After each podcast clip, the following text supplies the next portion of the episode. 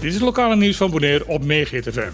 Montardi, ik ben Martijn Hiesmuller en dit zijn de onderwerpen van vandaag. De slijtage aan de wegen op Bonaire gaat snel. Zo snel zelfs dat de eerste schade van een net nieuw aangelegde weg al gemeld wordt voordat de weg officieel geopend is. Dat overkomt de Kaya Arowaco, de nieuwe weg van Hato naar het terrein van Curl Oil.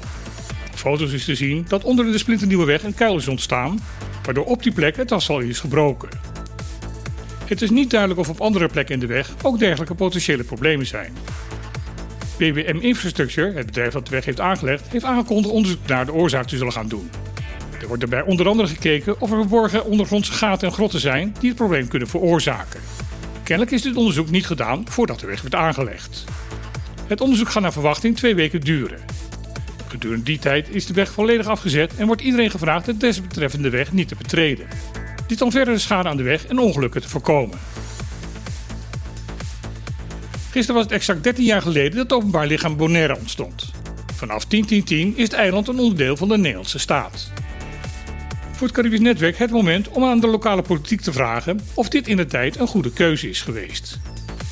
De coalitiepartijen vinden dat Bonaire eigenlijk een autonoom land zou moeten zijn. Men is wel zo realistisch om toe te geven dat dit op korte termijn niet zal gaan gebeuren. Volgens de PDB biedt de huidige staatskundige structuur in principe genoeg ruimte voor meer autonomie en zelfbestuur. De andere oppositiepartij, M21, wil deze autonomie juist gebruiken om uiteindelijk helemaal zelfstandig te worden. De twee oppositiepartijen zijn het met elkaar eens dat er een nieuw referendum zou moeten komen over de huidige structuur. Het vorige referendum in 2015 werd ongeldig verklaard omdat er minder dan de helft van de stemgerechtigden naar de stembus was gekomen. Opvallend is dat de twee coalitiepartijen tegen een referendum zijn. Van alle partijen is alleen M21 voorstander om zo snel mogelijk met Nederland de huidige situatie te gaan evalueren. Volgens deze partij is het tijd om spijkers met koppen te slaan.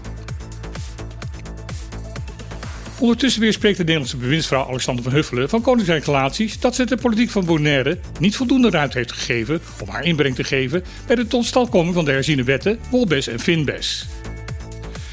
In een brief aan de Tweede Kamervoorzitter klagen de partijen in de Eilandsraad dat ze zich in dat opzicht niet serieus genomen voelen. Ze zeggen dat zij door Den Haag te veel voor voldongen feiten zijn gesteld. Tijdens de vergadering in de Eerste Kamer werd Verheuvel hierop aangesproken.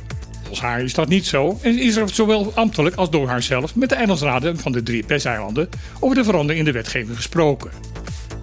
De raden hebben daarbij om meer tijd gevraagd om onder andere juridisch advies te kunnen inwinnen. Deze vraag is ingewilligd en de staatssecretaris kon de Eerste Kamer vertellen dat in januari verder wordt gepraat met de drie eilandsraden over dit onderwerp. Staatssecretaris Van Huffelen kon in antwoord op Kamervragen ook melden dat er meer geld gaat naar de armoedebestrijding van Caribisch Nederland dan in de troonrede al vermeld werd. In plaats van 30 miljoen zal het komende jaar 34,8 miljoen gereserveerd worden om de armoede op de eilanden tegen te gaan. De extra 4,8 miljoen zal specifiek gebruikt gaan worden om per 1 januari 2024 het minimumloon en de daaraan vastgekoppelde uitkeringen verder te verhogen. In de reactie zegt Van Huffelen dat deze verhoging aanzienlijk zal zijn. Verder zei ze dat het uitgangspunt van het kabinet is om ervoor te zorgen dat de inkomsten aan beide kanten van de oceaan toereikend zijn voor de al daar geldende kosten van het levensonderhoud. Dit was weer de lokale nieuws van vandaag op Megahit FM. Wil je dit bulletin nog een keer beluisteren, kan dat via onze podcast MHFM Lokaal Nieuws. Beschikbaar op vrijwel alle podcastplatforms. Voor nu wens ik iedereen een mooie en een onbetaalbare dag toe. En dan heel graag weer. Tot morgen.